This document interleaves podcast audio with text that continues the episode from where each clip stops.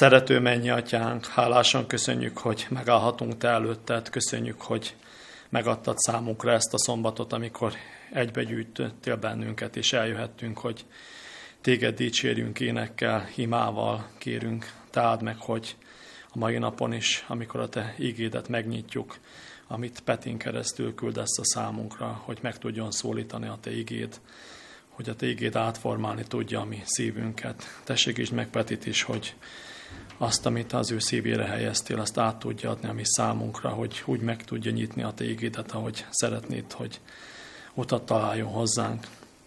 Kérünk, te segítsd meg, akik Zomon keresztül követnek bennünket, akik akár betegségben vannak. Kérünk, te számukra is gyógyulást, te hozd el mindannyiunk számukra a reménységet, tehát hogy megszabaduljanak azoktól a nehézségektől, amelyek sokak életében most jelen vannak, hogy valamilyen láz vagy betegség kínozza őket. Kérünk, te légy mindannyiunknak az orvosa, te gyógyítsd meg a lelki és a testi betegeket is, tehát hogy nekünk is te tudj vigasztalást nyújtani, amikor kicsit csüggedünk. Kérünk, te segíts, hogy be tudjunk töltekezni a te ígéddel ezen a mai napon. Táld meg majd a délutáni alkalmat, és táld meg a kórust, a szolgálatokat, amelyek el fognak hangzani. Táld meg mindazokat, akik igyekeznek majd ide erre az alkalomra, hogy te veled tudjanak találkozni, és hogy te meg tudj nyilvánulni mindannyiunk életében. Kérünk, te légy velünk, te, te, te tedd áldott ezt a mai napot a te kegyelmedből. Amen. Most megkérnénk a gyerekeket, hogy fáradjanak előre, és Zsiga Robert fogja számotokra elmondani a mai, mai gyerektörténetet. Sok szeretettel köszöntelek benneteket. A szokásomhoz híven egy alternatív gyerektörténet lesz, bár a Biblián alapszik. Amikor én fiatal voltam, akkor, és bohó, akkor volt egy mozgalom, az volt a neve, talán az idősebb generáció emlékszik rá, hogy jónak lenni jó. És erről fog szólni ez a történet. Viszont ez egy találós történet lesz, ugyanis a szereplői nem feltétlenül lesznek megnevezve. És szeretném kérni, hogy gondolkodjatok azon, hogy vajon ki lehet az a két szereplő, akinek a neve nem hangzik el ebben a történetben. Jó? Hát valamikor hajdanán Izrael történetében volt egy király, aki ült a trónján. És azon gondolkozott, hogy jót kéne cselekedni. És megkérdezte a szolgáit, hogy vajon van-e itt valaki, aki az én barátomhoz tartozik, és akivel lehetne jót cselekedni. És jött egy szolga, akit úgy hívtak, hogy Siba. És mondta, hogy igen, mert az én uramnak van egy gyermeke, akit úgy hívnak, hogy Méfi Bóset, és ez nagyon-nagyon messze lakik innen, egy Lódebár nevű helyen, és ő vele bizony lehetne jót cselekedni. Most a Lódebárt, hogyha le akarnám fordítani magyarra, az körülbelül azt jelenti, hogy a gyereknyelven, hogy az operenciás tengeren túl, és a négyszögletű kerekerdőn is túl, tehát nagyon-nagyon messze, egy ilyen kietlen, pusztás hely ez a Lódebár. Mit lehet tudni Méfi Bósetről? És mondja a szolga királynak, hogy bizony-bizony ez a gyermek, illetve hát ez a fiatal ember, ez sérült. Megsérült, amikor menekült, illetve menekítették őt, és a dajka elesett vele, és mind a két lábára nyomorék lett. Nem tudott járni. Mégis ennek a gyerek, ennek a fiatal embernek volt családja. Tehát amikor megérkezett a királynak a katonassága Lódebárba, ennek a fiatalembernek a házához, akkor, akkor ott találtak apukát, anyukát, volt két gyermeke, és nagyon megijedt, mert királyi katonaság nem feltétlenül örömhírt szokott vinni abban az időben, de ezek vittek mindenfélét, amivel ezt a családot el tudták vinni Jeruzsálembe a királyhoz, és a király szólt Méfibósethez, hogy az én barátomnak, a te apádnak annak idején megígértem, hogy gondoskodni fogok az ő családjáról, úgyhogy minden birtokot, amit eddig elvettek tőled, azt visszakapod, és itt leszel nálam, itt fogsz az én asztalomnál étkezni, a király vendége leszel, a király barátságát adom neked, és innentől kezdve csak jó dolgod lesz. Azt szeretném kérdezni, hogy vajon tudjátok-e, hogy ki volt a király, és ki volt a barátja? Dávid volt a király, Igen? és barátja Saul. Nem? Nem. A Dávid az nagyon jó. Sault azt még barokkosan se nevezném a barát. Jonatán. Remek. Vajon miért, mit gondoltok, hogy miért volt Dávidban az az érzés, hogy, hogy segíteni kell Jonatánnak a fián?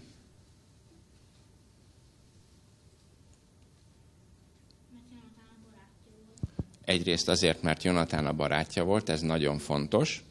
Mi lehet még? Még jóval korábban a két fiatalember között volt egy szövetségkötés. Amikor mielőtt Jonatán és az ő édesapja elmentek egy háborúba. És akkor megígérték egymásnak, hogy, hogy barátok lesznek, és gondolko- gondoskodni fognak egymásról. Nagyon-nagyon fontos, hogy az ígéretet, amit teszünk, azt megtartsuk. Ugye jónak lenni jó. Tehát, hogyha megígértek valamit anyának, apának, azt jó dolog megtartani. Ha megígértek valamit a testvéreteknek, azt is jó dolog megtartani. És hogyha megígértek valamit a barátotoknak, az pláne jó megtartani. És még egy nagyon érdekes. Ki az, aki szeret futkározni? Remek. Ki az, aki szeret ö, ö, sportolni vagy kirándulni? És ki az, aki szereti azt a társát, aki egyikre sem képes? A, itt már azért jóval kevesebb a kéz soha ne azt nézzétek, hogy a másik mire képes, hanem azt nézzétek, hogy ti mit tudtok ezért a társatokért, szomszédért, bárkiért tenni. Mert jónak lenni jó. Erről szólt az én történetem ma. Köszönöm, hogy meghallgattatok. Turmezei Erzsébet, amerre most jár. Annyi szívben felébred valami hívogató vágy. Útra kelni egyszer, járni, amerre Jézus lába járt. Látni a Golgotát látó szemekkel, hallgatni az olajfák suttogó beszédét, azt a titkos busbeszédet. A szent helyen, hol imádkozva vérzett belenézni a holdas éjszakába. Ellátogatni kis Betániába, minden övé, amerre elhaladt. És lélekben királyá gazdagodni a szent ezer emlékű út alatt. Nekem ez a vágy idegen maradt. Más volt a vágyam. Nőtt, növekedett, lett belőle sóvárgás, akarat, követelés. Egyedül arra menni, amerre Jézus lába most halad. Nem von a régi csodák földje, új csodák életföldje vár. Feltámadást, erőt újongva hirdet a száz virágba zsendülő határ. S az élő Krisztus feltámadva jár. Magyar nyomor gyógyít, édes testvérem vakszemét nyitja színre, fényre meg. S bár utait szememmel el nem érem, a lelkemen sejtésük átremeg. Miért mennék messze, idegen vidékre, keresni földi útja merre vitt? Most akarom a lépteit követni, az élő Krisztus élő lépteit. Amen.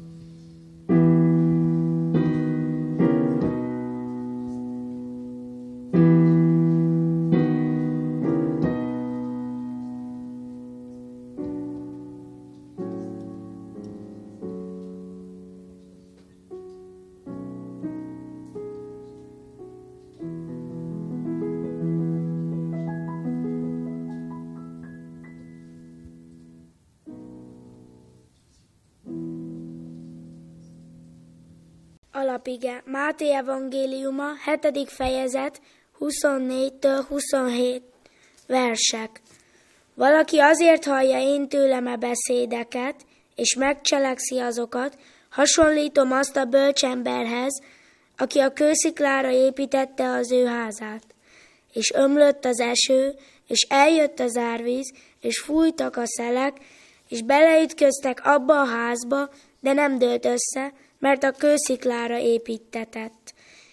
És valaki hallja én tőlem e beszédeket, és nem cselekszi meg azokat, hasonlatos lesz a bolond emberhez, aki a fövényre építette házát, és ömlött az eső, és eljött az árvíz, és fújtak a szelek, és beleütköztek abba a házba, és összeomlott, és nagy lett annak romlása. Köszönjük szépen, Dániel, nagyon szépen ö, kihangsúlyozó olvasta fel a verset. Nagy szeretettel köszöntelek titeket, testvérek. Ö, nagy öröm most így itt állni és újra szolgálni nektek.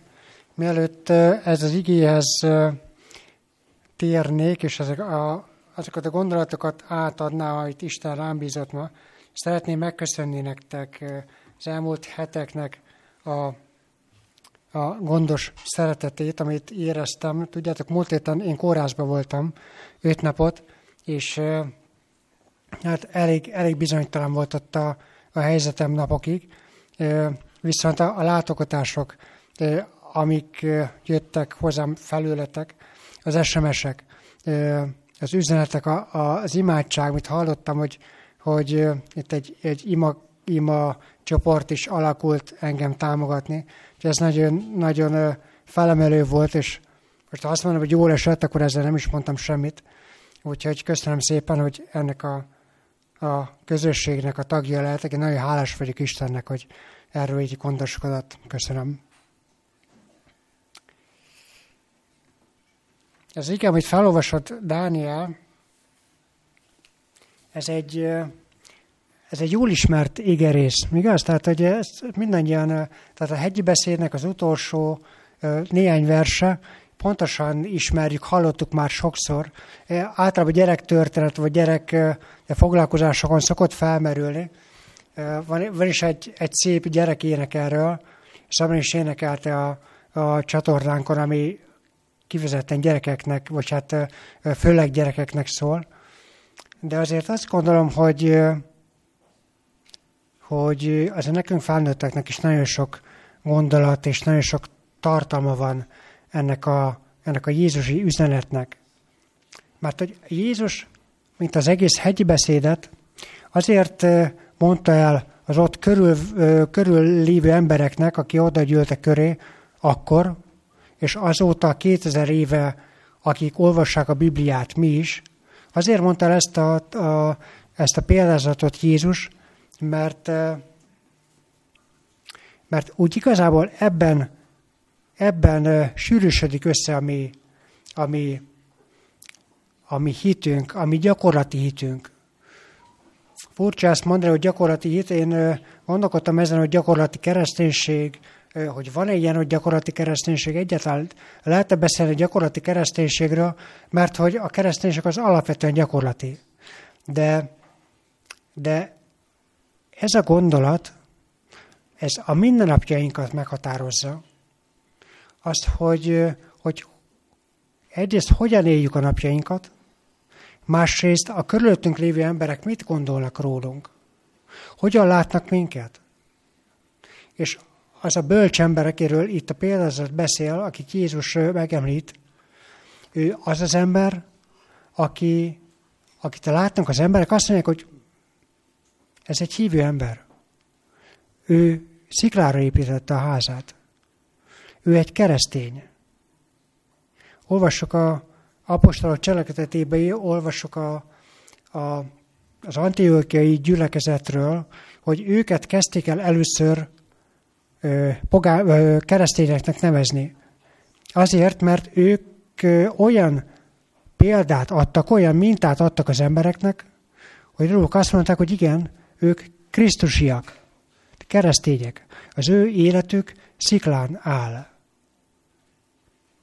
És én azért gondoltam erről beszélni, együtt gondolkodni veletek, mert azt hiszem, hogy mindannyiunknak szükséges az, hogy, hogy egy olyan keresztény hitet tudjunk megélni, ami, ami valódi sziklán áll amiről, amiről az emberek látnak, és azt mondják, hogy igen, ez az ember keresztény lett, és, és, és eddig volt valamilyen, de most megváltozott. Most jobban, jobban tudja élni a gyakorlati életét. Érdekes ebben a példázatban, hogy van ez a két ember, a bölcs és a bolond, de mind a kettőjükre rászakadnak a, a csapások, a vihar, az eső, a villámok. Tehát mind a kettőt ér, érik. És amikor érik ezek a, ezek a csapások, ez a rossz idő, akkor látszódik meg, hogy ki épített kőre, sziklára, ki épített homokra. Valószínűleg, hogy ameddig jó idő volt, ameddig, ameddig csak élvezték az életet, addig nem látszott meg a különbség a sziklára épült ház között, vagy ott lakó ember között, és a homokra épült házban lakó ember között. Tehát akkor lett nyilvánvaló, amikor jöttek a bajok. Annyira nyilvánvaló lett, hogy az egyiknek a háza összeomlott, a másiknak pedig erősen állt. Tudjátok, ez, ez olyan gyakran így van, hogy, hogy jönnek a, jönnek a, a mi életünkben, és az én életemben is, jönnek a bajok, jönnek a, a, a hát kísértések, ez, ez olyan, olyan elcsipáltnak tűnik, de jönnek azok a, a, a helyzetek, amikor, amit tényleg küzdelmes az élet. És a magam számban is akkor látszódik meg, hogy az én életem, az én hitem, az homokon áll, vagy kősziklán. Jézus azt mondta, hogy, hogy építkezzetek kősziklára. És azt mondja, hogy, hogy aki hallja én tőlem ezeket a beszédeket, aki hallotta a hegyi beszédet, hallotta mindazt, amit Jézus átadott az embereknek, hallja és megcselekszi, az az, aki sziklára építette a házát. Az ige és hogy az ige mennyire alakítja át a mi személyes életünket. Hogy az én életemet mindazok az igék, amiket olvasok, amiket tanulok, már 16 éve, azokat, azokat az átformálja ez életemet. Tudjátok, gyakorlatilag kívülre tudom a Bibliát. Nem, nem hencegésből mondom, de, de annyit olvastam, annyit forgattam a Bibliát, de hogyha ez, ez mind ö, átalakított volna, hogyha ezek az igék mind elérték volna hatását, akkor, ö, akkor lehet, hogy sokkal jobban tudnék világítani most ebben a világban. És Jézusnak az volt a célja, hogy, hogy, hogy meghalljam és megcselekedjem mindazt, amit Jézus tanított. És amikor átgondoltam ezt a, az egész gondolatot, akkor arra jutottam, hogy, hogy nézzük meg Pálapostolt, hogy milyen tanításokat adott a gyülekezeteinek. Tudjátok, azok a gyülekezetek, akiknek Pál írta a leveleit, ők szóval vagy pogányok voltak, vagy zsidók voltak, és megtértek, és utána keresztények lettek. Ezért Pálnak el kellett nekik mondani, írni, le kellett írni azt, hogy mit jelent kereszténynek lenni. Mit jelent a keresztény élet? Eddig éltetek pogány módon? Most már keresztények vagytok. Most már úgy éljetek, hogy az emberek lássák rajtatok, hogy ti keresztények vagytok. Hogy lássátok rajtatok, lássák rajtatok, ahogy az antik, antiókiai keresztényeken is, vagy hívőken, hogy ők keresztények. Pál megírta ezeket a leveleit azért, nem, nem, csak, úgy, nem csak egy teológiai ö, gondolatot adott át, hanem az volt a célja, hogy amit nektek írok, azok ö, átformálják az életeteket. Az evangélium az ö, legyen, legyen ható az életetekben. Legyen erős az, amit az Isten mond. Összegyűjtöttem egy pár ö, ilyen, hát olyan, félve mondom ezt, hogy gyakorlati dolgot, mert hogy, hogy tényleg gyakorlatban kell megélnünk a hitünket, de Pál ezeket a gyakorlati dolgokat nagyon sok mindenről ír Pál. Nagyon sok olyan dologról, ami minket átsegít a nehézségeinken, átsegít a hit küzdelmeinken, de, de egy jó adag olyan tanácsot ad Pál, nem is tanácsot, egy olyan jó, jó adag, olyan dolgot ír Pál, ami a gyakorlati életünket befolyásolja, az ő gyakorlati életüket, és ezt olvasva a mi gyakorlati életünket is befolyásolja. Amiket így összegyűjtöttem, ez egy nagyon kis szelete annak, amit Pál átad a mindennapi kereszténységgel kapcsolatban. Egy pár dolgot szeretnék erről felvillantani. A romai levél 12. fejezete, gyakorlatilag az egész fejezet ilyen szempontból olvasható és értékes. Az első két vers, ezt azt írja Pál, kérlek azért testvéreim, Isten irgalmára, hogy szánjátok oda testeteket élő, szent és Istennek kedves áldozatul. Ez a ti okos Isten tiszteletetek. És ne szabjátok magatokat a világhoz. Ne szabjátok magatokat ahhoz, amit, amit eddig éltetek, ahogy eddig tanultátok. A hitet, az életet. Ne szabjátok magatokat a világhoz, hanem változzatok el a ti elmétek megújulása által, hogy megítélhessétek, mi Istennek jó, kedves és tökéletes akarata. Aztán ebben, az, ebben a fejezetben a 9. versre azt nem olvasnám el az egész részt, de nagyon bátorítalak titeket, hogy a 12. fejezetnek a 9. versétől a fejezet végéig ezt olvassátok el akár itt is ma, de délután is tanulmányozzátok át ezt a, a részt. Ugye itt azt, azt írja, hogy a szeretet képmutatás nélkül való legyen. iszonyodjatok, a gonosztól, ragaszkodjatok a jóhoz. A testvéri szeretetben egymás iránt a gyöngédek, a tiszteletadásban egymást megelőzőek legyetek. És így folytatja is ezeket a, ezeket a, a gyakorlati tanácsokat. Ezek olyan tanácsok, amik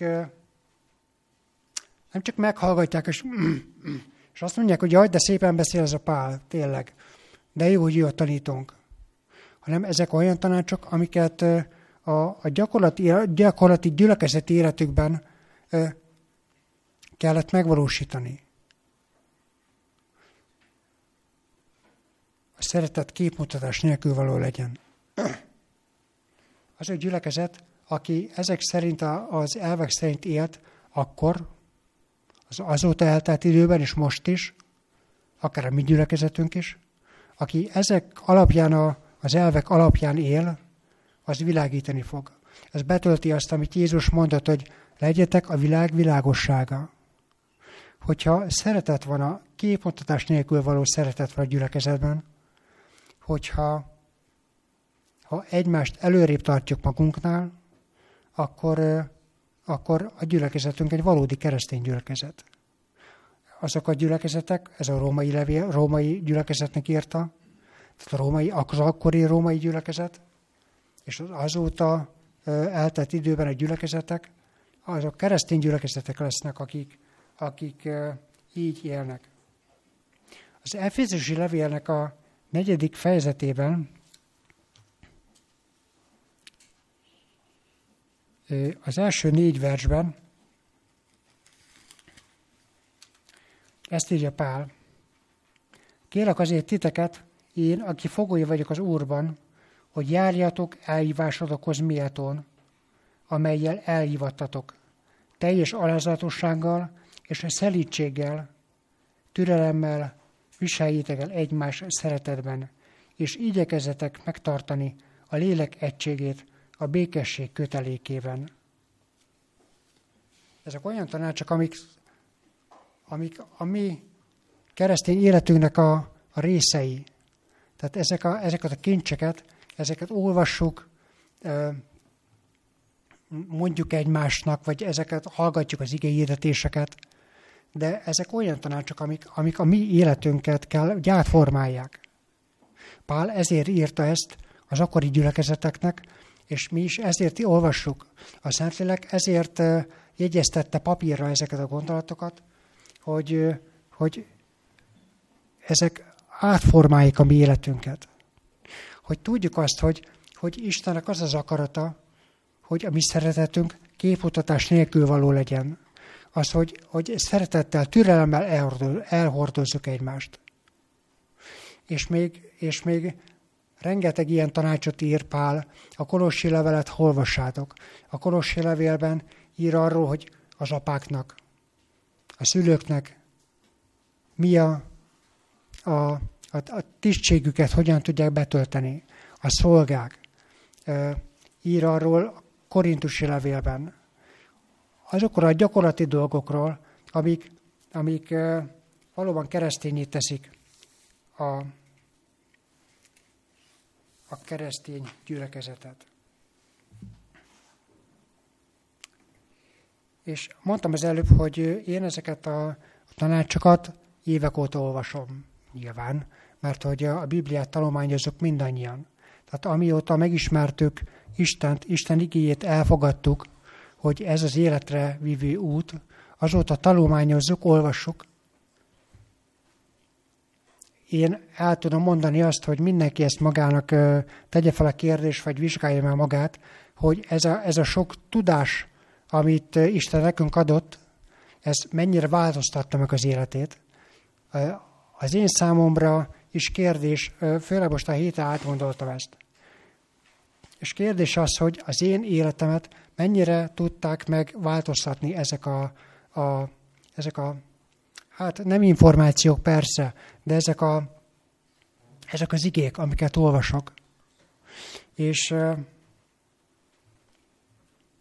és igazából elég, elég szomorú méreget kellett húznom, mert én, én keresztény, keresztény embernek gondolom magamat, és a keresztény, a családomat és a keresztény családnak gondolom. De, de ebbe a kereszténységbe belefér az, hogy ö, ö, talán Samós nincs itt, vagy lehet, hogy itt van. Ö, szóval, hogy sajnos nagyon sok ö, ö, konfliktusba belemegyek Samuval, ami, ami elkerülhető lenne, és ez évek óta zajlik sajnos, pedig, pedig ismerem ezeket az igéket, ismerem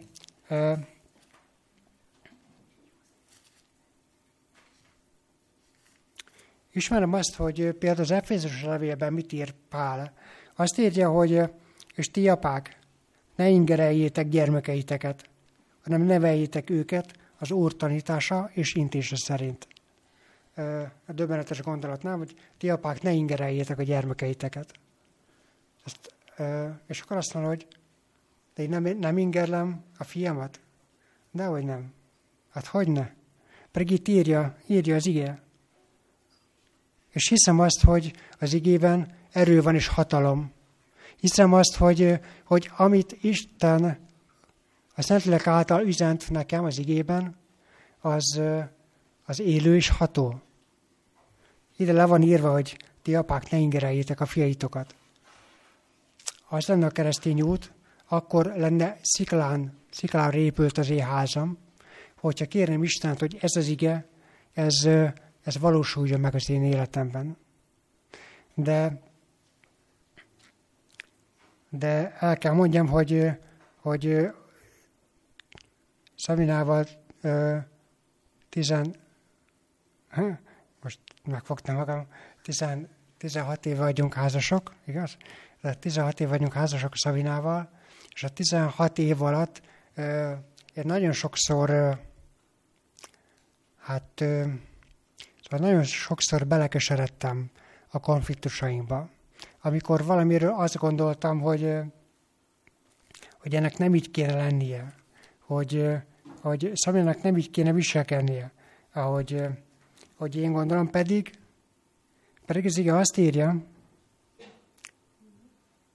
hogy ti férfiak, szeressétek feleségeteket, és ne legyetek irántuk keserű kedvűek. Ti férfiak, ne legyetek a feleségetek iránt keserű kedvűek. Ide le van írva. Az ige ezt mondja. hogy Jézus ezt üzeni nekem, hogy te Péter, te ne legyél keserű kedvű a feleségeddel ö, szemben. És én mégis engedem, hogy megkeseredjek. Akkor ez az ige, ez, ez átformálja az én életemet? Miért nem? Tehát miért van az, hogy az én életem nem sziklára épül, és nem nem látszik az én életemben a, ez az átformáló erő. De nem akarok nagyon leragadni a saját magam szapulásánál, de elmondhatom azt, hogy, hogy például a kertünk borzasztóan néz ki, pedig az Efézus levélben azt olvassuk, hogy, hogy, hogy ne úgy, mint ne úgy, mint embereknek, hanem mintha Istenek szolgálnátok. Az, amilyen környezet körülvesz engem, ezzel nem úgy szolgálok, mintha Istenek szolgálék. Tudjátok, ezek komoly dolgok, mert hogy az igében le van írva, hogy hogyan alakítsa az életedet az evangélium. Azok, amiket az igében üzen neked Isten. Akkor, akkor mi a baj? Tehát elfogyatkozott az Isten ereje? A Biblia ereje elfogyatkozott? Vagy mi van a probléma? De hogy ne csak, ne csak a negatívokat mondjam, azt is végig gondoltam, hogy mi az, ami, ami, ami pozitívan formált az én életemet. A romai levélnek a hetedik vezetében, a 14-25. versig, ez egy, bizonyára mindannyian kapaszkodtatok már ebbe a szakaszba. Itt a külső és a belső ember harcáról van szó. Pál arról ír, hogy, hogy én a jót akarom cselekedni. de látom, hogy egy, egy, egy törvény a rossz útra kényszerít. Én annyiszor ezt, amikor keresztségre készültem, vagy még előtte is, ezt a Szabina mutatta meg nekem ezt a szakaszt, hogy, hogy, hogy Pál is ezzel küzdött, de utána a nyolcadik fejezetben pedig azt mondja az első versben, hogy, hogy, hogy hálát adok az Úrnak, és Krisztus Jézusban való életnek a törvénye megszabadított, megszabadított engem mindattól a rossztól, ami, ami eldeformálja az életemet. Amikor, amikor az életünk, a közös életünk során küzdelmeken néztünk szembe, akkor, akkor volt egy igevers, amire mindig így visszatértünk. A, a 37. Zsoltárnak az 5. verse úgy szól, hogy hagyjad az Úrra a te utadat, bízzál benne, majd ő teljesíti. És ebbe az igébe kapaszkodva imádkoztunk és aratunk győzelme, győzelmeket. Ez, ezek a tapasztalatok, hogy a római, az, amit előmondta a római levél is, ez a tapasztalat Zsoltáriga is, formálta az én életemet. Formálta azt, hogy, hogy hogyan bízzak jobban Istenben. Mindaz a reménység, amit az igéből kapok, amit a Jézus eljöveteléről szóló igei kinyilatkoztatás jelent, ez átformál, átformálja céljaimat, a gondolataimat, hogy, hogy, hogy valóban tudjak bízni Istenben. A nehézségek során is tudjak bízni Istenben. Az én, hát én nagy szóval hadd mondjam ezt, hogy én életprogramom az, amit, amit Ézsaiás 58. fejezetében olvasunk, amikor a hatodik versről ír a, az igazi bőjtről, ez ami meghatározta az én 16 évemet, az, hogy ha megszeged kenyeredet, és, és az éjezőnek adod, aztán ugyancsak Ézsaiás 42. fejezetében, a 16. versben, ahol azt írja, hogy a vakokat oly úton vezetem, amit nem ismernek, és járatom őket oly úton, amelyet nem tudnak. Az egyenes, és a, a, előttük az egyenetlen utat egyenesé teszem, és őket el nem hagyom. Ez, ez átformált az én életemet. Az lenne Istennek a célja, hogy azok az igék, amiket olvasunk, ezek kifejtsék azt a hatást, amit, amit Isten, Isten szán nekik, amit el akar élni bennünk. És ha visszatérünk még erre a, a romai a levél 12. vezetéből idézett verse, az első két verse, főképpen a második verse, ezt hadd olvassam fel még egyszer. Ne szabjátok magatokat a világhoz, hanem változatok el a ti elméteknek megülása által, hogy megítélhessétek, mi Isten jó, kedves és tökéletes akarata. Ez az, ami, ami hogy mondjam, tehát a, a mi ö, keresztény életünket irányba állítja. Változatok el a ti elméteknek megújulása által. Változatok el ne higgyétek el azt, hogy nem vagytok képesek arra, amit, amit, amit Isten kívánt tőletek. Képesek vagytok hitáltal, képesek vagytok arra, hogy Jézusba kapaszkodva ezeket a feladatokat, akár azt, hogy a fiammal ne veszekedjek, a feleségemmel ne keseredjek meg, a lakókörnyezetemet tegyem ápoltá, és, és kívánatos és vonzóvá mások számára. Nem mondhatom azt, hogy én erre képtelen vagyok. Mert itt azt írja, az igaz, hogy változzatok el a ti elméteknek megújulása által. Változz el, Péter! Nem lehet arra gondolni, hogy én erre nem vagyok képes, dehogy nem. Mert Isten megígérte. Isten megígérte, hogy, hogy adja, adja az erőt, ami képessé tesz. Egy gondolatot hadd olvassak fel, engem nagyon-nagyon megérintett. Ellen White-nak a Gondolatok a hegyi beszédből című könyvében ez a szakaszhoz kapcsolatban ezt írja. Tökéletes szívedben, hogy engedelmeskedsz annyinak, amennyit már ismersz Isten szavából. Engedelmeskedsz annyinak, amennyit már ismersz Isten szavából. Isten ereje, Isten élete rejlik igéjében. Amint hittel befogadod az igét, az Úr erőt kölcsönöz neked, hogy engedelmeskedj. Amint engedelmeskedsz a rendelkezésre álló világosságodnak, nagyobb világosságban részesülsz. Isten szavára építesz jellemed, így Krisztus jellemének hasonlatosságára épül majd fel. Döbbenetes gondolat volt az én számomra, hogy, hogy azoknak az igéknek, amiket megismertél, kért Isten segítségét, hittel, Isten megsegít abban, hogy ezekben győzelmet tudsz, tudj aratni. De hogyha ha nem jönnek a győzelmek, és elbuksz, Isten akkor sem távolít el magától. Mert azt mondja, hogy, hogy, hogy van szószólónk a mennyben. Van szószólónk a mennyben, aki meghallgat, aki megbocsát, és ő hozzá mehetünk. Hogyha ha megvalljuk a bűneinket, Isten megbocsát. A zsidókhoz írt levélnek a negyedik fejezetében